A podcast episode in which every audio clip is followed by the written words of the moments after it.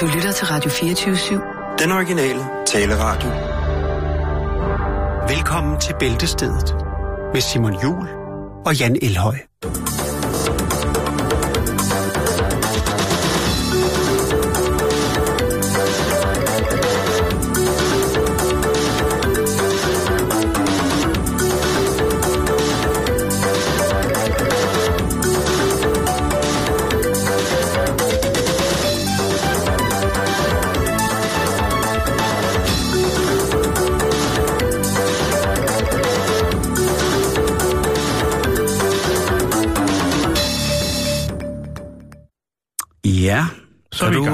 Huske den lyd? Øh, nej, det kan jeg ikke. Har du nogensinde spillet Commodore 64? Øh, ja, men det er mange år. Flere timer siden. Det er nok i 85 eller sådan noget. Oh, men der var, der var sådan lidt vibe over det, synes jeg. Ja, det er rigtigt. Med, med den der. Og fart på. Er du en mand, Jan, som øh, på trods af din... Øh, Omskreden alder? det sagde jeg ikke. Ej, men du tænkte, nej, det går ikke at sige, så du skulle lige finde på noget andet. Det er fint nok, Det er Simon. faktisk rigtigt. Jeg skulle til at sige smukke alder. Åh, oh, tak. Stadigvæk kan huske øh, bipspil og sådan spilautomater, der stod nede på grillbaren og sådan noget. Ja, ja, ja. Bombjack, det var min favorit. Oh. Er du en, der, der øh, så nu her nogle gange selv spiller computer, eller... Det er jeg ikke, Simon. Jeg, Du er vokset fra det? det tager simpelthen for meget tid. Jeg glæder mig til, at jeg skal pensioneres en gang om en 60 år.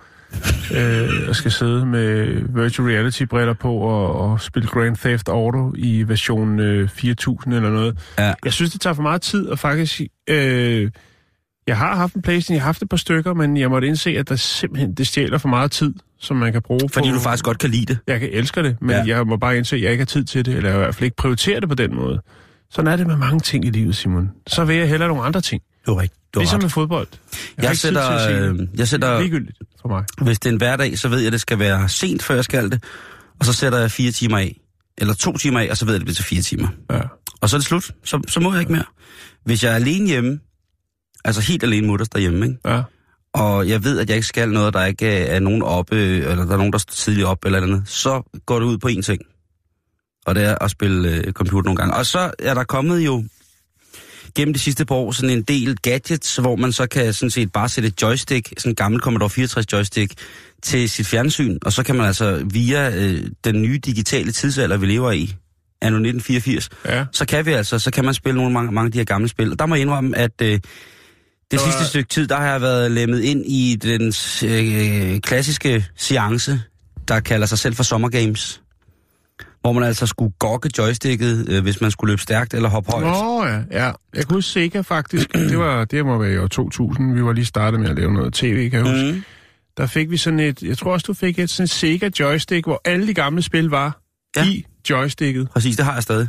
Ja, det, har- jeg har det ikke. Det er, øh, og det er sådan lidt det samme, som er kommet nu med det her. Det er jo altså, men jeg må også indrømme, at jeg, jeg Kan du huske den der Playstation-agtige øh, smartphone? Øh, det der, de lavede sådan et, hvor spillene var inde i sådan en lille skærm. Jeg kan ikke huske, hvad fanden den hed. Det var pisdyr. Kan du huske den? altså en Gameboy? Nej. Nej, så skal jeg ikke huske den. Den Altså, var jeg den har her, jo, Den her øh, størrelse, det kan lytterne også kan se, hvis I lige kigger ind i radioen. Den her størrelse var den. Jeg Det kan ikke på huske, størrelse, den størrelse med et halvt adgangsbrød. En øh, Nokia 6210, øh, hvad den hed. Det er, men, men det, det var bare lige noget, jeg skulle spørge om, fordi jeg. Ja. ved, at der er mange, der skammer sig over at være ældre, og så stadigvæk i en smuk alder nyde og øh, dyrke konsolens Jo, men allerhelligheder. ved du hvad, der har jeg det sgu. Jeg, der var en anden, øh, en anden kvinde, der skrev en klumme omkring noget med, hvor håbløse mænd var, og folk, der mænd, der gik øh, i det ene og den anden slags tøj, øh, børnetøj-agtigt. Øh, Altså en blogger? Ja, jeg ved sgu ikke, hvad fanden hun øh, vil definere. Jo, sikkert også det. Men øh, hvor jeg bare tænker, man skal ikke... Altså, det har vi snakket om mange gange i det her program, Simon. Man skal ikke dømme andre. Folk skal gøre lige, hvad de har lyst til. Og hvis folk har lyst til at sidde med gutterne og spille FIFA som 50-årige, så skal de fandme bare gøre det. Der er ikke nogen, der skal sige... Der er ikke noget... Altså, Det er også det der med, nej, det er, Men der er det, det, er mange. en af de ting, der kan vi pisse laver også sjovt nogle gange med nogle ting. At sige, Ja, ja, ja, det, det er mærkeligt med ens jakker i... Øh, altså, men så... Altså, En af de der er ting, som der er, vi- der er meget, altså efterhånden få ting, der kan provokere mig, men når, når folk er, begynder sådan noget med at sige, så bliver du voksen, så er det bare sådan noget med, øh, ja, men hvad for en liv er det lige, du har? altså spejl.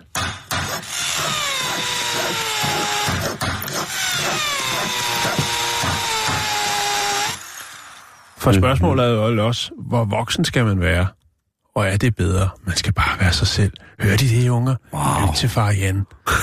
Nå, øh, lad os komme i gang med programmet. Hvad har du? Du får lov til at åbne. Ja, Vi starter stille og roligt, Jan, fordi vi skal snakke om vores pas. Ja, Altså det her... Lige præcis. ja. Vores ID, det som kan få os i og ud af fængsler, når vi er afsted og rejser, ja. og måske er Og kommet måske til også ind eller ud af USA. Ja, måske, øh, hvis man ikke har på, på usømmelig vis skændet et helligt monument eller noget. Det kan være, der kan være der mange skal man, øh, der, det, det kan på rigtig mange øh, på rigtig mange grunde danne en forståelse i et udland for, mm. hvem man er og hvorfor man er der. Og man er okay på et eller andet niveau, Ja. ikke? Altså, der, bliver der, er- hele tiden lavet, der er jo hele tiden nye regler for de pas, ikke? Jamen, Ja. Bare alene med pasbillederne. Sikkerheden, den bliver hele tiden skærpet, ikke? Og i stedet for bare nu at få gang i den iris-scanner, så tjener staten selvfølgelig ikke de penge, som det koster at lave sådan en flot pas. Nej, og, og der er jo stadigvæk, i- apropos alder, så er der et eller andet dejligt ved at øh, huske sit pas. Der er også en angst ved, at man bliver ældre, og man glemmer sit pas. Og der, er- Ved du hvad, Simon, du ældes med øjne, det, det, det skal du ikke tænke på. jeg fik lige taget et billede.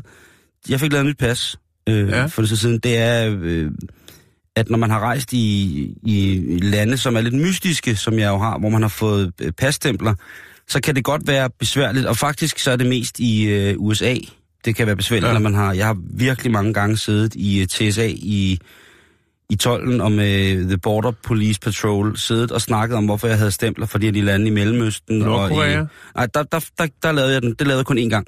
Fordi okay. Det tog mig næsten seks timer at komme, øh, komme til at tale med nogen. Ja. Bare. Jeg kom til USA efter at have været i Mr. Nordkorea. Kim Jong. I am Kim Young the illest. I'm a big rapper, man. øhm, det, det, det tog mig rigtig, rigtig langt. Da jeg kom ind i, og jeg, jeg var så dum. Øh, vi var umiddelbart kommet hjem fra Nordkorea. Øh, det er 10 år siden jo.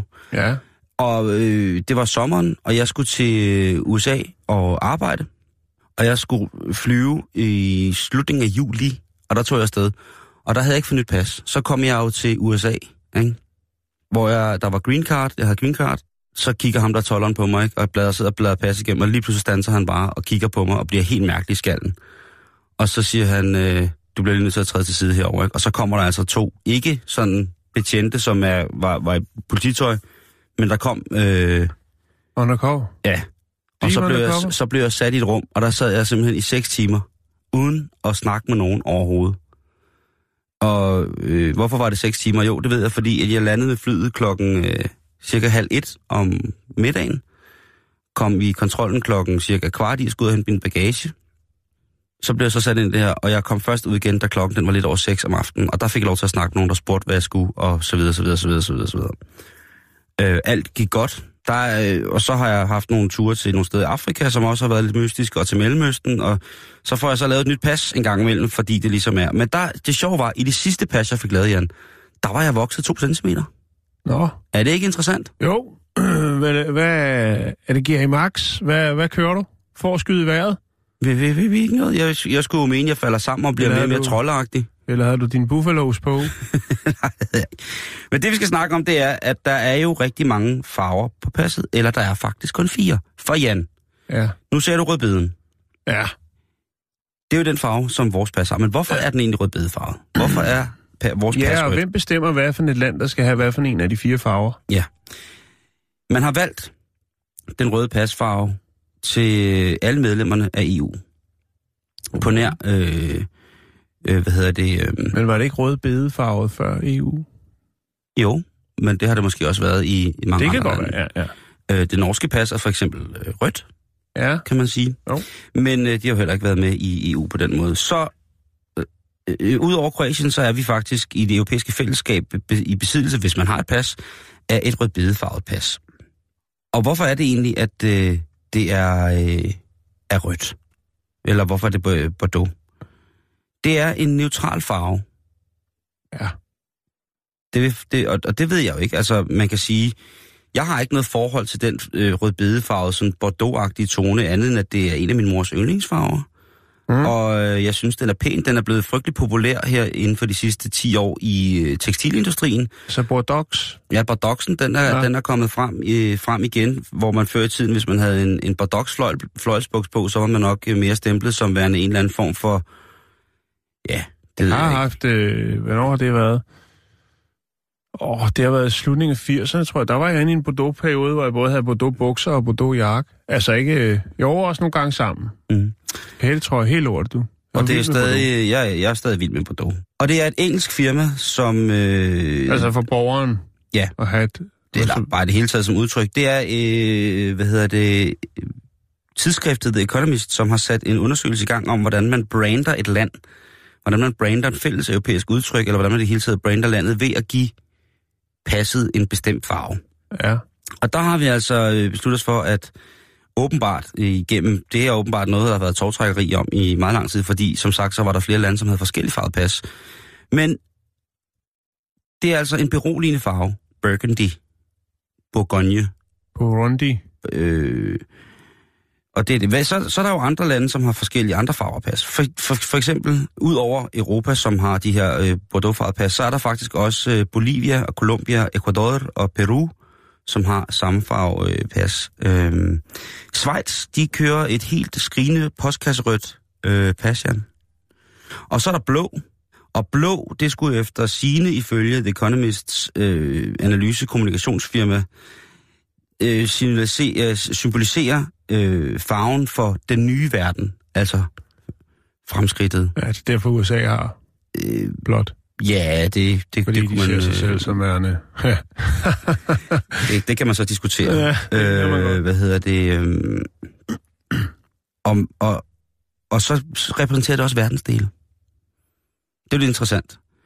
Fordi det blå pas her, det er for eksempel blandt andet, øh, for nyligt har de 15 karibiske øh, lande åbnet op for, at deres pas skulle have en øh, fælles farve, som man ligesom var Caribbean style man. Så hvis man er fra Jamaica, så har du for eksempel et, øh, et blåt pas, eller fra Cuba, så vil du også have det.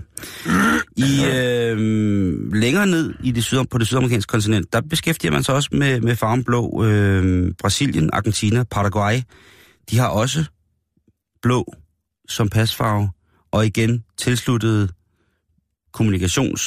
kommunikationsdevisen om, at den blå farve er symbolet for den nye verden. Så er der det grønne pas, Jan. Og det grønne Ja. pas, det er faktisk lidt sjovt, fordi lige midt i mellem Nord- og Sydamerika, der ligger Mexico, og de har faktisk et, øh, et grønt pas. Derudover så er der faktisk øh, en del af de øh, muslimske lande, som har valgt at bruge grøn som deres farve. Og grøn, det er jo som sagt håbets farve. Ja. Det er der i hvert fald mange, der siger. Det er også ja. det, de ligger til grund for. Det er firma, der har undersøgt, øh, hvorfor at hvilke øh, lande har en bestemt farvepas. Marokko, Saudi-Arabien, Pakistan osv., jamen det er det altså.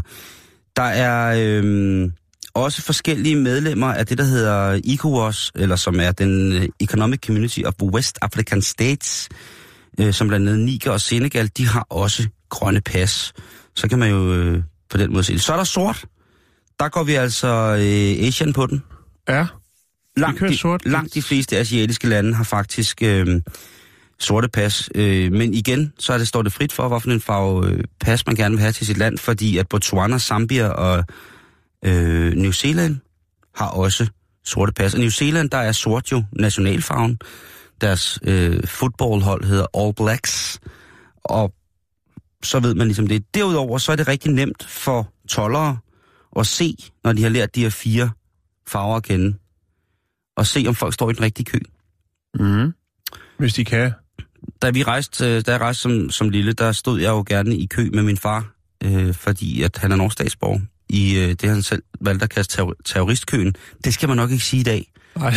Men dengang, øh, min far kalder det stadig, øh, når han stiller sig op med, med norsk pas, ikke? Øh, det er øh, åbenbart noget, som betyder rigtig meget for rigtig mange lande, lige præcis hvilken farve deres pas har. Jeg ved ikke, hvilken instans, der sidder og bestemmer, hvilken farve pas, at vi skal have i Danmark, når vi nu er inde under den europæiske fællesunion.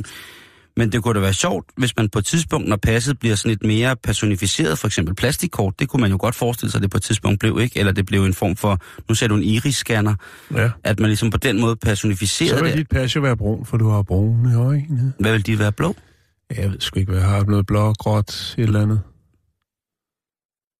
Ja, du har i hvert fald, du får et smukt pas. Er, jeg skal pas. Så kan man jo tænke lidt over det, når man står i kø. Ja. i lufthavnen næste gang, og ser Ja. ja. folk stå og flagre med deres pas. Man kan gætte på, hvor det er. Selvfølgelig så står det tit og ofte uden på passet. Men udover Ja. ja. det, så kan man jo stå og, og tænke Lad lidt over det. get konkurrence i køen. Let me guess where you're from. Let me see your passport color. you're from Thailand. You're from Thailand. Skal du lige have lidt, øh, lidt pasinfo? Ja tak, meget gerne. Ja, øh, det var faktisk først omkring øh, Første Verdenskrig. Det omkring, ikke? Der, altså, inden da, der var, øh, var passet ikke sådan, altså, det var ikke påkrævet, når man skulle rejse inden for Europa for at krydse grænserne. Øh, det var sådan, altså før det var sådan forholdsvis øh, enkel procedure, og meget få mennesker var besiddelse af et pas. Øh, men under Første Verdenskrig indførte de europæiske regeringer af sikkerhedsmæssige årsager, altså det her med øh, kontrollering af ind- og udvandring, og der kom så det her øh, krav om pas og paskontrol. Det blev standard, Simon, og øh, i 1920'erne, der øh, var det faktisk altså en del britiske turister, de klagede over øh, de vedhæftede fotografier og fysiske beskrivelser, som var anført øh, i passene. Øh, fordi at de, de mente, at det var, at det var bare upassende. Altså, det var en grim umenneskeliggørelse. Og det var fordi, at der var lidt flere tælliksord øh, dengang i passene. Øh, for der kunne nemlig også, ud over et billede, så kunne der også være beskrivelse af fysiske træk. Og mangle arm, sunken kind, flot læb, tre næser, Øh, hvad, To pander. Øh, dobbeltpanden. buttet, øh, hvad det nu kunne være. Okay. Skilleret, øh, skæv næse, altså alle de her ting. Selvfølgelig også etnicitet og øjenfarve, hårfarve, men der var altså også nogle ting i, som, som stødte nogle folk, ikke? Mm-hmm. Hvis jeg må lige se din klumpfod, ja, den er god nok, værsgo, velkommen til Danmark. Altså, Er du sikker på, at det er en rigtig protese? Det, det, det, kom her! ja, jeg er sørøver. Øh, hvad hedder det? Tupi, tupi. Og det var der altså nogle, det var The Englishman, de tænkte, det er upassende, det skal vi ikke, øh, det skal vi ikke rodes ind i. Det The gentlemanship brød ind. der. Ja, Det er jo meget fair, i virkeligheden. og det synes jeg også. Men det er jo heller ikke til at vide, hvad der står i computeren, om hvad der dukker op Nej, omkring folk, når Nej. man øh, tjekker ind. sjov i 2000. Og Jamen, jeg skal, vi, skal tilbage til, vi skal tilbage til det der USA-trip. Jeg har ikke med, at, at, at det er jo et mærkeligt land på mange både, men jeg har jo været der rigtig, rigtig meget og arbejdet rigtig meget. Du har jo selv boet der også, Jan. Ja. Det der med, at når, når man rejser ind i landet, så, så er der nogle ting, de spørger om, og det er næsten stensikkert hver gang. Og jeg bliver sgu sådan lidt sur. Og det, der er, og det er fordi, at, at de tror jo kraftet, at alle kommer, fordi at det, vi synes, det er det forjættede land. Det kan godt være, det er et sjovt og spændende land, ja. Men man kan også blive mæt af det. Men mm. det der, man står der og nærmest sådan skal tække om at få lov til at komme ind. Og jeg har det bare sådan, at jeg siger, prøv at høre, jeg er fra Danmark, altså. Ja, jeg Vi, prøver, jeg vi, prøver er, også... vi er, vi er, ah, vi, måske, ikke- vi har været længere fremme i skoene, end de er. Det, det går lidt ned ad bakken nu. Det, der forsvinder nogle penge ud af kassen og nogle politikere og alt det der. Det siger jeg selvfølgelig ikke. Men så tror de bare, at jeg vil have asyl. Så tror de bare, jeg vil have asyl. Ja. Men i hvert fald, altså jeg tænker bare, prøv at høre, jeg er så fedt af jeres land heller ikke, så jeg gider bo herovre. Jeg har prøvet det. Det Ja. siger jeg heller ikke. Ej, Men jeg tænker altså det, og jeg bliver sgu lidt, jeg bliver lidt forarvet, når det er, de står der. Altså, Ja. Nå, Ja, det jeg er en snak. Ja, jeg bliver altid bare stillet de samme spørgsmål, og det er, hvad jeg lavede, da jeg havde green card, og så videre, så videre. Det, jeg kan huske, det jeg kan I huske... was a professional stripper. Yes, I was a male bondage prince in the temple of leather. øh, det fortæller jeg ikke. Jeg, I lædertemplet. Lige præcis. Jeg, jeg kan huske mit kontonummer i den bank, jeg havde, ja. Ja. hvor jeg stadig har en konto, og det hjælper jo desværre. Altså, jeg har en konto i, i USA, hvor der står nogle penge på, og så har Hvorfor jeg... det? Hive dem dog hjem og få de gode danske renter. Altså, det er da fuldstændig åndssvagt. Ej, det er ikke så meget, så det kan komme til at gøre nogen forskel. Og så er der så... 12 så, så kan jeg huske mit, øh, mit øh, hvad hedder det, øh, Movies on Demand nummer. Og dit postnummer 90210. Øh, og så min bror hed Brandon, og min søster hed et eller andet. Brandon. Jeg ved det ikke. Men nej, men lige sådan nogle tal der, og, og, og det er sjovt nok ikke, fordi så kan jeg bare gå lige, lige igennem, ikke? Og det kunne være nogle ting, jeg har fundet på nettet, ikke? Men det kan jo rent faktisk tjekke det. Øh, jeg kan også huske mit green card nummer. Så det er sådan, øh, så, så er det godt nok alligevel, ikke? Men du ved, det der med, at jeg har dansk pas, but you look like a Chinese. Og så siger jeg, but I am not. Nå, nok om det. Nu fik vi i hvert fald lige lidt... Øh, Lidt pasinfo. ja. Alarmstollen. Ja, goddag. Jeg vil gerne med, hvad, hvad her nummer har politiet? 87 31 14 48. 87 og hvad mere? 31 og 14 48. 31. 14 Øh, og øh, altså 86. Øh, hvad mere? 87. 86. 87. Ja. Hvorfor siger du 86, når jeg siger 87? Hvad nummer var det var? Så start- 86. Så starter vi forfra. Så Ja. siger du 8. Hvad? 87 31. Ham der i baggrunden, kan jeg ikke lige snakke med ham? Ja, Michael, har jeg lige snakket med dig? Prøv lige at lade være med at råbe ind i røret, når du Ja. råber efter ham der, ikke? Michael, kom lige og skriv Nej, nej, numrene. stop det her. Prøv lige at høre her. Jeg sidder på alarmcentralen. Jeg kan ikke vente på, at ham der han gider lidt røven, og så kommer ind til dig. Det er 87 31 14 48. 87 31 14 31. 14 48. Øh, øh, jeg skriver lige ned nu. Jeg prøver lige at se, om jeg kan. Nej, det er Jeg kan gang, altså næsten ikke klare du ved godt.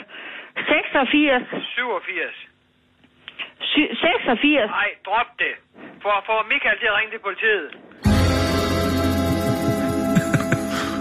Ja, det er... Det er ikke sjovt det, at blive, blive voksen, Simon. Nej, det er det ikke. Det skal man passe på med. Ja. Nå, nu skal vi til uh, Merriweather i Australien. Okay. Ja, det er et smukt sted, har jeg hørt. Jeg ved det ikke, men det er alle steder, alle steder smukke i verden. Ja. Det er bare... Og alle mennesker er smukke. Det kommer an på, hvad for nogle briller man har på. Åh, oh, ja, hvor det, det bliver eksistentialistisk. Ja, det er så fantastisk. Nå, vi skal snakke om, øh, ja, ja. vi skal snakke om en øh, slange. Det er en python. Det er en diamantpython, tror jeg, den hedder. Skal jeg lige tjekke? Bare lige, du ved. Jeg kan også lige tjekke. ja, En Øh, diamantpyton, siger du? Ja, det hedder den. Øh, hvor søren øh, Jo, det er diamantpython. Den er god nok. Du ved, sådan en fætter på to meter, ikke? jeg, kender den ikke. Jeg synes ja. ikke, at den er varm. Den er, den er, den, det er en fin en. Og der er du så øh, her i Merriweather, der bor Mark Jackson og Jane Gilbert. Og øh, de har sgu en slange på taget. Det, det er sgu nok kun... Ah, det kunne godt være nogle andre steder, men det er måske et meget almindeligt problem. Gud, i er den smuk. Australien. Den er faktisk meget fin. Øh, de har en, en, en diamantpyton på taget, og ja. de ringer så til øh, sådan en, som nu varetager den slags problemstillinger, altså en slangefanger, og øh, for at få den fjernet. Slangefangeren siger Ved du, hvad den hedder på dansk? Nej, En tæppepyton. en tæppepys. Jeg synes, diamant er langt federe. Det synes jeg også. Ja. Og det er, fordi vi skal snakke lidt mere om diamanter lidt senere i programmet. Oh my God. Øhm, men da slangefangeren kommer her, så siger han, ja, men det er jo, det er jo bare en diamantpyton. Den er faktisk, øh, den er faktisk ganske ufarlig, yeah. og øh, det er jo faktisk sådan, så den øh, kan sørge for, at jeres øh, tag og skråstreg loft er øh, fri for andre vildlevende dyr, som kunne øh, skade. Altså Mus og... invasive dyr, der, du ved, der flytter ind i huset og knaver og æder, ja, hvad det nu kan være af dyr, ikke? Ja. Leguaner og tapirer. Ja. Ja, ja, lige præcis. Du har ret, Simon. Og det kommer lidt bag på Jane. Jane, hun er ikke bange for slanger, men hun synes selvfølgelig, det er lidt upassende, at en diamantpyton, der øh, lægger rodet rundt op på taget. Jeg har set nogle fine billeder Hvis den larmer og hører høj musik, selvom den er døv og sådan noget. Der er mange ting, som... Ja, Det er en rigtig hyggelig, men... rigtig hygge, hyggefætter. ja, men så tænker hun, nå, men hvis den ikke, hvis den ikke er farlig, så kan vi da lige så godt beholde den. Øh, for hun har faktisk altid ønsket sig en, øh, en slange. Og øh, den bor så op nu i taget. Den øh, tager sig af de dyr, der kommer ind igennem de forskellige hulrum. Og i vinterhalvåret, så kan den jo holde sig varm op på taget. Ja, de sørger selvfølgelig for, at den har det godt. Og den tager sig så af rotter, mindre fugle, øh, brushtail, possums, øh, flagermus og den slags ting. Og der er ikke risiko for, at den tager sig øh, lidt for godt af deres kat, som de også har. Det, øh, det, det gør den så ikke i. Men man skal også gøre rent efter den, ikke? Det er slangelort og pis lugter jo forfærdeligt. Ja. Hvis man nogensinde har besøgt en af sine, øh, sine venner, som var terraria-freak, ikke? Jeg har hørt King Diamond. Det kunne han også, han kunne også høre John Denver, men i hvert fald, så, så er det, altså... Ej, hvor kan det? Det er en, Ja. ja. en, en stærk duft, en odør ja. af snake, som er Men ret vild. formoder jeg heller ikke, at den kun vil bevæge sig rundt inde i hulrummene op på taget. Det kan godt være, at den skal ud og lufte sig lidt, men, men de har i hvert fald Oh, accepteret. hvis man havde en stueren pyton. Ja, Bo, så er det... Det er nej, fy ha. diamantbo. altså, og, og, og, og hun siger, "Jamen, prøv at høre, vi skal jo ikke engang, altså det er perfekt. Jeg, kunne, jeg har altid drømt om, så lige siden jeg var en lille pige og have en slange, nu kan jeg faktisk få en, og jeg skal ikke engang fodre den eller tage mig af den. Jeg, jeg kan bare hilse på den, når jeg møder den, og det er ligesom det. Er det ikke fantastisk? Jo.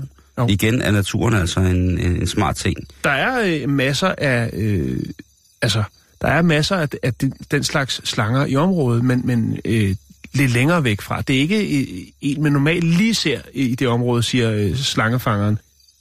Altså sådan en boligkvarter, den er lidt længere ude i skoven, siger man. Det er der, den bedst kan lide at være. Men mm-hmm. altså, nu får den lov, den har fået asyl, øh, og har fået lov til at, at bo øh, Diamantbo har fået lov til at slå sig ned der. Og den kan jo leve der i lang tid, Jan, fordi de kan faktisk blive op til 20 år øh, gamle. Ja. Hvis det er, den møder, hvis Diamantbo møder en øh, lækker pytonkælling, og øh, får nogle små pyt, py, pytlinger, hvad hedder sådan noget? Det hedder Py, pytlinger? Pyllinger. Pyllinger, ja. Pyllinger, ja.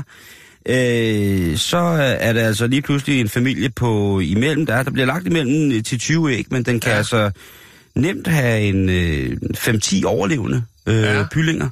Som det så, kan godt gå hen og blive lidt for meget under taget, ikke? Jo, men hvis de kan arbejde der, så kunne, øh, så kunne mor jo trække sig lidt tilbage, måske hænge ud i træet og få noget sol, eller ja. Ja. bare hænge og pifte, når der kom en stor fed ja. Ja. rotte eller et eller andet. Så det er ligesom... Øh, så er der mad!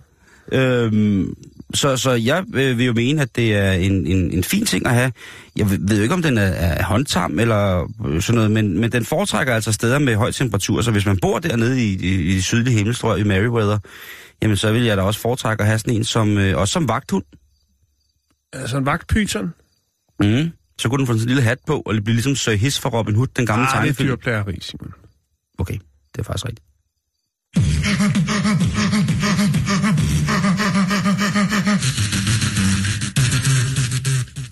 Ja, Ja. nu skal vi så snakke om den øh, menneskelige udstråling, Jan.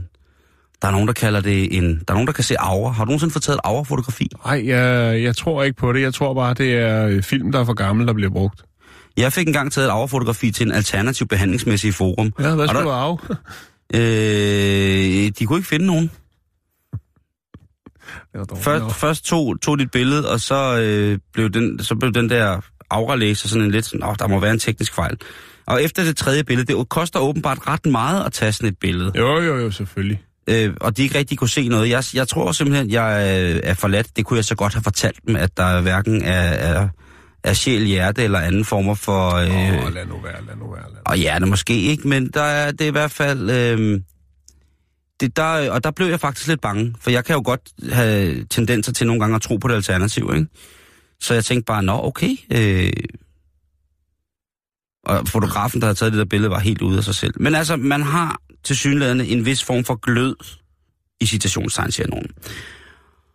Og i øh, den engelske, øh, det engelske tidsskrift, der hedder The Telegraph, der er der blevet øh, skrevet en artikel om et nyt studie, som er blevet publiceret fra det, der hedder Psychological Science. Oh, psychologicals. Og de fortæller, at øh, når man korpulerer, altså når man har en, øh, en seksuel aktion med ja. Et andet menneske, så kan det vise positive spor i din glød 48 ja. timer efter, Ja, at akten er blevet udført. jeg ved det. Og det, og det er, øh, det er det, der hedder en efterglød, som, øh, som ligesom får personen, der har det, Ja. til at virke. Har du aldrig prøvet at køre på arbejde med en god efterglød? Nej, Folk, de kan mærke det på dig, Simon. Det har jeg De nok. kan se det. Ja, men de river og flår jo mig være, altså, når jeg står der ved bussen, ikke? Det er jo bare her i min krop. Men øhm, Det kan jeg godt se. der, der sker ikke skid. ham først! Der sker ikke skid. Øhm, men for mange, der har det jo været fuldstændig klart, at hvis man i et parforhold har, øh, har sex, så er det noget, der blandt andet kan være med til at skabe en øh, nærhed. Men øh, den her følelse af nærhed og øh, den her udstråling, som der så følger med den øh, følelsesmæssige selvtillid, den har man ikke rigtig haft så meget styr på, men det har man altså begyndt at få nu. Og det er Florida State øh, University, som har taget 214 nygifte par ja. Og fået dem til at skrive seks dagbøger i 14 dage. Øj, ja. Det har været noget liderlig læsning. Og de er nygifte, og det, det gør jo nok også, at man på det tidspunkt gerne skulle pike i forhold til at være ja, nyforelsket og kunne modtage den anden personens øh, ild, således at ens gløder, når ilden er brændt ud i fælles aktion, så ligger og ulmer, men stadigvæk til positivt udtryk for din person, din persona. I seks måneder blev de her par altså bedt om at evaluere på deres forhold, og der var det altså ret tydeligt, at øh, de forskere, som var med her, de kunne finde, at øh, den her naturlige high, som det jo er at have sex, ikke? Vi slipper, slipper en masse, masse løs fra kroppens eget narkoskab, øh, endorfiner, oxytociner, øh, rosiner, adrenaliner. Der er mange ting, der bliver der er sluppet løs. ja. Og øh, der har det altså været tydeligt at se og måle, at disse har været aktive og har været en del af den overliggende, kan man sige, fysiske funktion hos, hos os øh, i op til to dage. Og faktisk så giver det rigtig, rigtig god mening, Jan, fordi i biologiens verden, der er det sådan, at, at de to dage, det er faktisk også nogenlunde den tid, det tager for manden, altså os, at genopbygge en fuld koncentration af, af sædceller i manacoladaen. Ja. Så når den øh, enøjede bukseslange øh, spytter... Diamantpytonen. Diamantpytonen, den, øh, eller tæppepytonen... Ja, når øh, tæppepytonen øh, spyrer tapetklister eller gnidetis, så er den altså øh, bedst og fuldt koncentreret og mest klar til befrugtning, befrugtning, når der er gået to dage. Så hvis man for eksempel øh, sidder og hiver op flår og banker ind, så der kun kommer spindelvæv, varm luft og blod ud, så er det altså ikke ensbetydende med, at det kan øh, medføre en, øh, en graviditet. Der skal lige være lidt restitution i, øh, i den lille læderpose øh, under pjorten, før at øh, vi igen kan, kan skyde med helt skarpt. Så i virkeligheden, så er det jo øh, en evolution, evolutionær tilpasning, som det bliver beskrevet. Altså, at det, der kan få en, øh, et par til at holde sammen, jamen, øh, det er jo altså... Øh, det er jo den her efterglød. Der er jo Ja. også et øh, biologisk signal i kvindens menstruation.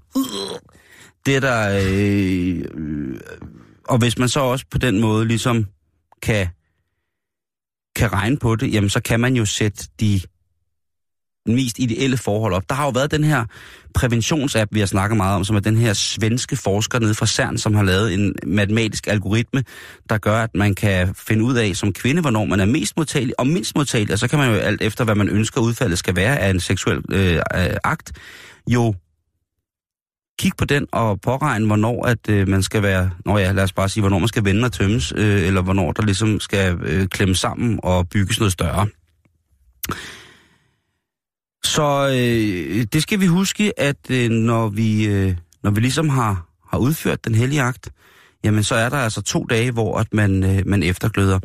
I studiet der fremgår det jo også, at det ikke bare er mændene, som jo så gløder efter, selvom det jo måske reproduktivt er et øh, smukt standpunkt at have, at man først er fuldt kapabel til at skyde med så skarpt som overhovedet muligt efter to døgn, så er det det samme med kvinderne, altså kvindernes ja, de niveauer, man har målt på forskellige øh, kemiske udledninger, som jo er i, i, i, i forbindelse med, med det her, mm. jamen der er jo, øh, ligesom på mange andre ke- kemiske ting, så er der jo en halveringstid, og man kan sige, at det, der er sket her, det er, at man har målt på, hvor lang tid det er om at komme helt ud af kroppen, når man er blevet fået et energiboost. Fordi det er også det, det gerne gør, ikke? Man, man, man hårer løs, og så er man helt op og kører, så falder man i søvn, og så vågner man, og så har man måske lidt bedre, ikke?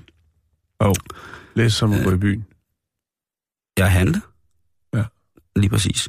Så husk det, at øh, to, op til to dage efter, at du har øh, haft, øh, Ja. haft en hellig offring, Der skal man holde sin fyr inde, fordi der kan folk godt se, at han er, han er tændt op. der har været gang i den, ikke? Ja.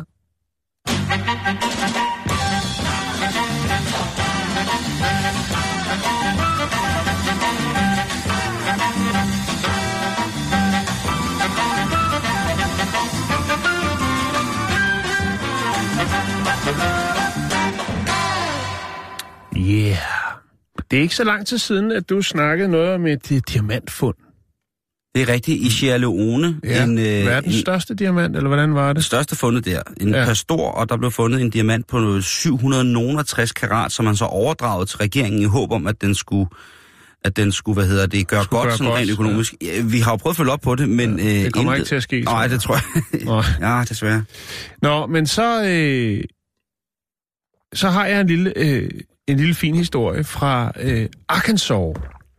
Og her der er der så en øh, 14-årig dreng, som finder en diamant på øh, 7,44 karat. Det er også til at tage at føle på, vil Det jeg er også mene. øh, han finder den i det, der hedder Arkansas State Park. Og der tænker man, hvad nu hvis jeg, øh, altså, hvis jeg nu gik ned øh, i en eller anden park og bare sparkede til nogle småsten, ville der så dukke en diamant op der? Er det en, der er faldet ud af en ring, eller hvad er det? Nej, det er det ikke. Jeg var, jeg, jeg var nødt til at lige at tjekke op på, hvad det gik ud på. Parken er et sted, hvor man tidligere har øh, nyt godt af diamanter. Og nu har man så, jeg kan lige prøve at lukke op for det her, det er nemlig sådan så, at parken er en tidligere diamantmine. Øh, og derfor er der altså stadig forekomster. Der kan være nogen, der har tabt noget. Nej, det kan der ikke. De er der stadigvæk. Øh, altså, det er mange, mange år siden. Øh, vi er i en, en lille by, der hedder øh, Morfreshborough. I slutningen af 1800-tallet, der er det jo så, at øh, altså, de lokale borgere, de ser, der er sådan noget underligt, sådan noget lidt grønt, snavsagtigt. Og dengang var industrisamfundet jo ikke et, et faktum, så det kan jo ikke være noget øh, giftgrund eller noget. Men de bemærkede, at jorden i området øh, var, var sådan meget grøn og grumset. Sådan noget. Altså, det, var, det var, skilte sig lidt ud fra andre steder. Og det var jo et bundesamfund, så de vidste jo godt, hvordan jorden den hang sammen. Mm. Og så kom der altså nogle øh, geologer til stedet øh, i slutningen af 1800-tallet, og de øh, fandt jo så ud af, at øh, det var, fordi det var, øh, altså, det var, der havde været vulka- vulkaner i området, og det altså var vulkansk materiale, der var der. Og det gjorde så også, at der jo muligvis var, det tænkte man ikke på på det tidspunkt, men senere hen, i 20. århundrede, så var der en øh, flot landmand, der hed John Wesley Huddleston, som øh, købte jorden nær Morfreshborough, han, havde, han vidste jo godt, at der var det her sådan, vulkanske øh, i jorden der, men altså tilbage i august 1906, der opdager han, eller finder han den første diamant på sin ejendom. Og øh, der er selvfølgelig en del, han bliver allerede der kaldt diamantkongen, fordi det er jo ret exceptionelt, ligesom at øh, du ved, du går og lidt ud i jorden, og hvad sagen er det for en sten? Den er fan, nå. Og så går det ellers amok. Han, er ikke, øh, han ser jo øh, mulighed for at tjene nogle gode penge, for der er jo selvfølgelig nogen, der øh, tænker, hov, diamanter, og han siger, diamanter, det er sgu ikke rigtig meget, jeg er landmand. Og så han sælger øh, hele arealet øh, til noget, som senere bliver til et mineselskab. Det sælger han for 36.000 dollars, og det har sikkert været rigtig, rigtig mange penge dengang. Men stadigvæk er jeg sikker på, hvis han havde fortsat med at grave eller pløje, så var der kommet flere diamanter op. I hvert fald så øh, bliver det meget, meget populært, og der er ud, altså det, det bliver så sådan en, du ved, rygtet går jo også dengang, Simon. Mm-hmm. Så der kommer simpelthen så mange mennesker til, og ved arbejde, der, der bliver bygget hoteller og, øh, og så videre. Altså alle de her ting, der bliver Et helt... Diamond Rush. Et Diamond Rush, ja. Øh, Conway Hotel og øh, alle, alle mulige overnatningsmuligheder. Det, der bliver bygget et helt samfund op. Der var et samfund, men det bliver endnu større, og der er fuld fokus på diamanterne. Det er så der, den ligger, og, og stille og roligt, så dør det her, øh, det her diamantprojekt ud. Og forskellige ejere af- af stedet og sådan noget. Men øh, det fungerer faktisk frem til 1972, hvor det så er, det bliver en øh, turistattraktion. Altså man lukker ned for produktionen, staten øh, overtager det, og det bliver så lavet til en øh, statsejet park. Og så i dag, der er det faktisk sådan, øh, jeg ved, de har det i Legoland. Jeg har også været et andet sommerland, hvor de havde det. Du ved, så er der øh, et, et, et, et, et, et, et område, som er øh, hegnet ind, og så er der noget jord, og så kan man få nogle skovle, og så kan man grave efter guld. Og det er faktisk det samme her. Der er det bare den ægte vare, Simon. Der er det simpelthen øh, den fineste vare, nemlig det her sådan, øh, hårdt presset øh, kul, nemlig øh, a.k.a. BKS, bedre kendt som øh, diamanter, som folk kan få lov til at grave op. Det koster en, en, øh, en 20 dollar for voksne og entrere øh, den parkfacilitet, der hedder at øh, grave efter diamanter. Det er, Og, det er øh, en god investering, hvis man så finder noget, ikke? Jo, øh, og det kan vi lige vende tilbage til, fordi der er faktisk sådan så, at... Øh, nej, undskyld, det koster kun 10 dollars at, at træde ind og grave øh, diamanter i parken. Tilbage i 2013, der var der også en 14-årig teenager, som fandt en diamant, øh, og øh, den var på 3,85 karat, og den blev solgt for 20.000 dollars. Øhm, jeg tænker, så er det, så tror jeg godt, man kan lokke en fle, del flere i parken, hvis der er mulighed for. Altså forestil dig, hvis lige over på den anden side i, af gaden, over i Ørstedsparken, der er der nok nogle brune diamanter, men hvis der nu var... Jeg tror, det er nogle andre diamanter, man finder der. Og man skal ikke bukke ned efter. Nej, Ej, hvad hedder det? Universitetsparken i Aarhus, for eksempel. Ja, for, lige præcis. Tak Simon for at redde mig for den dumme, dumme idé, jeg fik ja der. det var fordomsfuldt. Ja, nej, det ved jeg ikke, om der er. Det, altså, diamanter... Nej, der bliver, der bliver skubbet en del røvhul derovre, men... Nej, det var men- ikke det, jeg mente. Nå, det var ikke så ved, undskyld, så ved jeg bare- ikke. Jeg, jeg tænker, ja, der er også der er god interesse i den park derovre. Den er velbesøgt.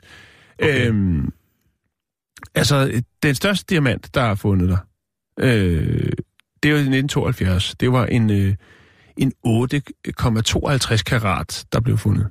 Det, det er stadig en god investering for 10 dollars, ikke? Jo, Må man så er det. beholde, øh, når man finder? Det må man godt. Finders keeper? Jo, finders keeper. Wow. Bare du betaler øh, de 10.000, øh, skulle jeg til at sige, de, de, de 10 dollars, det koster. Øhm, så jeg tænker, hvis man nu kommer til Arkansas, så synes jeg, man skulle lægge øh, vej forbi Arkansas State Park, og øh, jeg kan lige lægge et link op til det, der hedder Crater, Crater of Diamonds State Park. Er der så sådan en wall of fame? Der er alt inde på den hjemmeside, og jeg synes, det, det er fantastisk. Altså, øh, i den tid, hvor, hvor øh, at det ligesom var, at man øh, ligesom hæv diamanter op sådan i et mere, hvad skal man sige, mere professionelt, jamen der er der blevet øh, i hvert fald registreret igennem de, det diamantselskab, som var der øh, 75.000 diamanter. ja. Det er vildt, hvad der sker med de 1906. her diamanter der for tiden. Ja, og der er flere, men det er bare at komme i gang med, med skoven, Simon. Det kan ske hvor som helst. Jeg går efter danefæ. Jeg går efter at finde en gammel sølvskat med nogle vikingesmykker og noget. Ja, flintøkse eller noget. Ja, et, Ja. nogle vetlys. Eller noget rav. Ja, det De finder jeg så nordiske aldrig. diamanter. Det finder jeg så aldrig. Det tror Det er jeg også på. svært, men vi har jo snakket om, om Jo, rav. jeg har været på ravjagt, siden jeg var helt lille. Ja. Og alle andre finder rav. Store, store klumper Jeg har med heller rav. ikke fundet noget. Jeg fandt engang noget, og det havde den rigtige lyd, men det viser sig bare, at det var et stykke fra et øh, blinklys, som øh, havde ligget og skyllet rundt og var blevet sådan, så det, men jeg ikke kunne se, det var blinklys. Det var et stykke plastik. Ja, Ja, det var der sad en pære i. sgu- Ej, det går ikke. Så stor var det ikke. Okay. Men øh,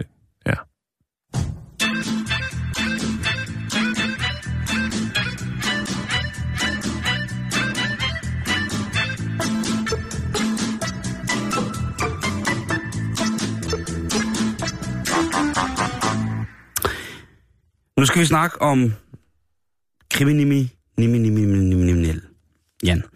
Fordi Kriminalitet. jeg har kigget lidt på øh, mange af de vidunderlige forbrydelser, vi har beskæftiget os med her i løbet af de sidste snart fire år. Ja. Og det er altså øh, Er det flashback? Nej, det er det ikke, men, men jeg har så også kigget rundt omkring på, på underleverandørsider til, til spooky-sider om virkelig, virkelig skøre kriminelle. Og jeg finder jo så nogle af de ting, som vi også har gennemgået, men jeg finder også nogle ting, som jeg føler, vi ligesom må gå igennem igen, fordi at det er, altså man kan sige meget om, øh, om genier, men der, jeg kan ikke under, altså jeg kan ikke understå mig i at sige, at der også findes kriminelle genier. Og der findes kriminelle øh, muy stupido genier, som virkelig laver noget, som er fjollet. Ja. Og, og der er jo for eksempel chancen, altså at tage den, og prøve at, at gøre noget godt igen, eller prøve at på en måde at forædle ved at forfalske noget. Ikke chancen, eller hvad er vi ude i? Lev nuet, ja, det vil jeg sige. Fordi en af de lande, som vi jo priser rigtig, rigtig højt for deres nationale køkken, det er jo Italien. Ja. Altså, nej, men hold kæft, der er... Jamen altså, de gængse pizza, pastaretter, men jo også alle mulige andre former for råvarer, som vi jo priser. Italienske vine, italienske olier, italiensk brød, italiensk mel, og det er ligesom bare garant for noget ekstra lækkert. Lidt ligesom det franske køkken er for rigtig mange, ikke? At der er ligesom, om det er meget fint, og det er meget fransk. Ja, det er rigtig... Øh, så bliver det automatisk godt, og det bliver bedre. Ja, der er selvfølgelig en social arv og en form for antropologi, der gør, at man arbejder med en helt anden måde med, med at investere sin tid i, i madlavning og forplejning som sådan, end man gør i lille forkælet Danmark. Men det er desværre også Jan, en af de lande, som har været i blandet i flest madskandaler. Mm. Jeg ved ikke, der er sikkert nogen, der sidder og kan huske, på et tidspunkt, der var der noget Chianti-vin, som havde et lidt øh, sørgeligt indhold af for eksempel noget, der kunne minde om kølervæske. Og så i har der været. Ja, der er har været store olivenolie-skandaler med, at øh, langt de meste, eller der var en masse dyr olivenolie øh, solgt fra Italien, fra en italiensk øh, high-end, altså en, en virkelig, virkelig luksuriøs producent, hvor man så fandt ud af, at det var øh, olivenolie importeret fra, øh, fra Sydspanien, og der, altså, der har været mange ting, som ligesom ikke har været godt. Men en af dem, som jeg synes, der har været øh, værd at hive med og hive fat i, det er jo altså øh, de kriminelle, som lavede olivenskandalen. Kan du huske den? Åh, 85 Ikke rigtigt. 85.000 tons oliv, oliven, som blev malet grønne, for at se ud som om de var friske. De var ved at være for gamle, og så blev de altså farvet grønne. Det kunne have været i Kina. Det kunne sagtens have været Kina, men det var altså i, øh, i Italien. Og der må man sige, at det, hvis man kigger på dem, øh, så ser det altså øh, ret, det- ret øh, nemt at se, hvad der er ægte og hvad der ikke er. Og det, det var altså øh, oliven, som blev, de blev ikke farvet som sådan, de, de blev tilsat øh, korsulfat. Ja, Og det, det smager dejligt. Ja, korsulfat, det kan jo også godt blive blåt i langt de fleste tilfælde, men altså, når man så hiver det ned i en eller anden form for kemisk ting, som jo oliven jo bibringer med noget salt og noget, jamen så har det altså gjort, at man har fået en utrolig grøn oliven. 85.000 tons, det kræver altså noget stedighed at gøre, ikke? Det er ikke specielt giftigt, men det er giftigt. Det er ikke noget, man skal spise rigtig meget. Man skal ikke sige, mm, dejlig, dejlig skiftfuld korsulfat, den skal jeg lige have amme med namme, haps, haps. Men det er, øh, det er, det er, det er andet råd. Så har der jo været øh, igen et land, Frankrig, vi snakkede om det før, at når det bliver fint og fransk, så er det også mange gange ens betydende med, at der er nogen, der skruer prisen op. Ja. I dag ved man jo godt, at Frankrig jo på mange punkter, ligesom Danmark øh, og ligesom alle andre vesteuropæiske lande, fremstiller utrolig mange lorteprodukter. Men en af de ting, som franskmændene altid har, har slået øh, sig selv på brystet over, det har jo været deres vinproduktion. Jeg er ikke fan af det. Og de, Lad nu det ligge. det kan vi nok godt blive enige om. Men øh, i hvert fald en organisation, som kalder sig Wine Action Committee. De har ligesom en form for vinracister, som har prøvet at presse den øh, franske regering til, at øh, udenlandsk vin i Frankrig, det skal være simpelthen så urimeligt dyrt, mm. at det ikke kan betale sig at købe andet end fransk vin. Og øh, faktisk så var det så vildt, at øh, den tidligere premierminister, øh, Nicolas Sarkozy, han altså, øh, han tog det op på højeste plan. Han gav ikke efter for deres, øh, for deres krav på det. Men øh, det gjorde den her øh, aktionsgruppe altså, og iført elefanthuer og blå kedeldragte, så var de altså ude og, øh, og smadre store opbevaringstanke af batches af importeret vin fra, øh, fra andre lande.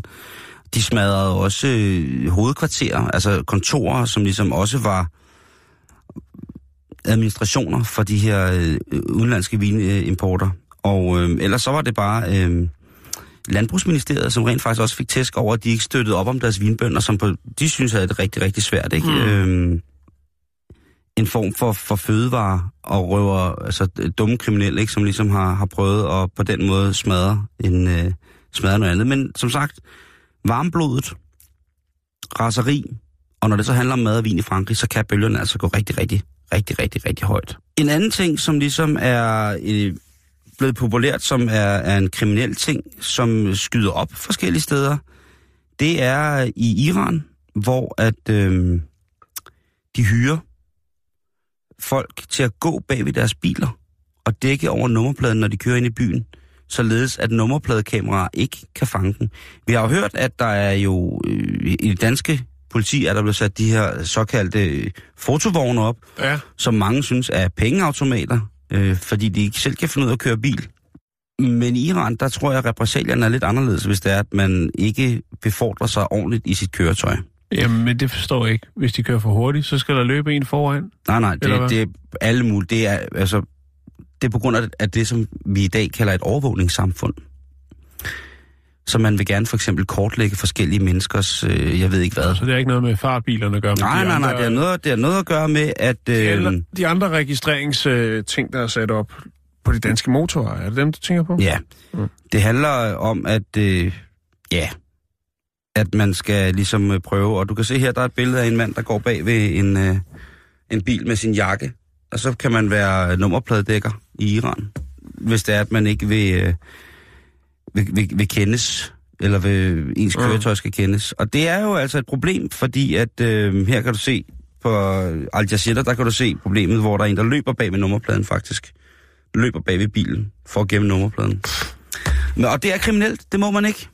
Man skal, ligesom i Danmark, have en fuld øh, synlig nummerplade, når Ja, sådan ned. jeg ved, i Rusland, der sætter de lille papirlap på nummerpladen, når de parkerer ulovligt, fordi at det er privat ejendom, og derfor må parkeringsvagterne ikke øh, røre, røre bilen. Det, der så er fedt, det er, at hvis man gør det på en dum måde, så øh, ligger der kun nummerpladen tilbage, når man kommer ned. Det er sådan, Øh, det skal være. Ja, ja, lige præcis. Øhm, I New Zealand, Jan, det smukke land, der har der altså været en kæmpe, kæmpe stor øh, skandale omkring advokatorer, fordi advokatorer er en stor belastning for miljøet at producere. Der er jo mange, der synes, at skovens smør er en dejlig, dejlig ting. Jeg synes personligt også, undskyld, Det er okay. at det er et fantastisk, øh, fantastisk øh, produkt. I 2015, der var der det allerstørste avocadoteori nogensinde. Og øh, det drejer sig altså om, at der blev stjålet tæt på 50 tons avocadoer Ja, på vi, gang. vi har da haft noget, noget med avocado-tyverier mm. på et eller andet tidspunkt. Og New Zealand, der er den altså øh, gået så voldsomt op, øh, prisen, at øh, det er værd at gå efter og købe. Og der er faktisk flere og flere steder i Australien og New Zealand, hvor at de boykotter avocadoer, fordi at det er et øh, meget, meget omkostningsrigt, sådan rent vandingsmæssigt og klimamæssigt, og, og dyrke avocadoer. Ja. Der skal Øh. man øh, holde sig for Chile, har jeg læst noget om. Det er det også. I virkeligheden, så burde man kun... Ej, der bliver det også for langhåret. Ja, Nå, ja. hvad hedder det? Øhm... En anden form for kriminalitet, som også går ud over nogen, som måske har mindre, det er i Indien, hvor at øh, man øh, på togene øh, i Indien, hvis man nogensinde har taget et tog i Indien, så er, så er de ret fyldte. Lad os bare sige det. Hvis man ja. brokker sig lidt over, at man ikke kan få en, en sædeplads to stop i bussen eller i letbanen på vej hjem fra arbejde, eller tænker, det er forfærdeligt, så skulle man tænke på at øh, rejse fire timer på arbejde på et indisk tog, hvor man sidder oven på taget. Øh, og det eneste, man holder fast i, det er ens egen fødder. Så kan man jo spekulere over det. Men der er der øh, en øh, organiseret kriminalitetsorganisation, øh, organisation, som er begyndt at sælge bødeforsikring, så man kan få sine penge refunderet, hvis man får en bøde for for eksempel at øh, hænge efter eller under toget på vej på arbejde. Mm-hmm. Men det er altså ikke rigtig noget, som, øh, som fungerer. Øh, der er også nogen, der tager toget uden billet, og der får du også en bøde. Men hvis du så har købt den her forsikring, jamen så er du altså øh, home safe, og så vil de betale bøden. Mener noget tilsvarende var i Danmark på et tidspunkt. Det døde, Bortset døde fra, hurtigt. bortset fra at øh, det ikke rigtig passer. Hvis du får en bøde, så får du en bøde. Okay. Der er så ikke noget, du kan forsikre dig imod. Ligesom at øh, jeg ikke kan blive forsikret imod at parkere dumt, fordi jeg er en idiot. Øhm, Det er selvfølgelig rigtigt. Nok. yes. Det hedder automatisk nummerpladegenkendelse, det vi snakker om tidligere. Lige præcis, lige ANPG, præcis. som præcis. jo blev sat op her øh, sidste ja. år i Danmark, og i den grad gjorde en, øh, en bred del af befolkningen utilfreds. Der er sikkert også mange, der ikke tænker over, blandt andet en af dem, der var rigtig sure over det. Det er jo vores allesammens Anders Kjærulf fra øh, Radio 24-7-programmet. Aflyttet. Aflyttet. Ja. Ja. Han, øh, han er vred på meget. Men det har en god grund til, fordi han forstår det rent faktisk. ja. Nå, den sidste ting, jeg lige vil bryde op med her, det er, øh, Jan, og det er faktisk noget, vi har haft omkring øh, store øh, og mærkelige kriminelle handlinger. Det er ostesmugleriet til Rusland. Ja. Vi havde en historie om det, hvor der var for omkring 30 millioner dollars russisk cheddar, som blev destrueret, fordi at det var øh, efter sine blevet importeret, importeret sort Inviteret. inviteret øh, på ferie fra, øh, fra USA. Det, det kan man ikke gøre. Øh, man kan ikke sige, at amerikansk cheddar er russisk cheddar. Nej. Så bliver den russiske, russiske cheddar-mafia pist. Ja, fordi de Så- har jo stolte produktionstraditioner, og de vil ikke øh, hænge sig op på sådan noget dårligt noget som den amerikanske cheddar. Det skal være den, øh, den rigtig, rigtig, Den rigtig, russiske, den rigtig gode russiske cheddarost, ikke? Som øh, hverken er, er gul eller firkantet. Den er lille, rund og hvid og smager fuldstændig fantastisk. Så den kriminelle verden, Jan, altså hvor end vi tror, den vil være, hvor skørt vi end, tror, den er, eller tillægger den øh, værdier for at være, mm. jamen lige så stensikkert er det jo, at virkeligheden den er meget, meget, meget, meget, meget mere fucked up. Ja, der er point for kreativitet. Det er der. Vi har ikke mere i dag. Vi er på facebook.com bæltestedet. Tak for i dag, og øh, kom fortsat godt videre. Hej,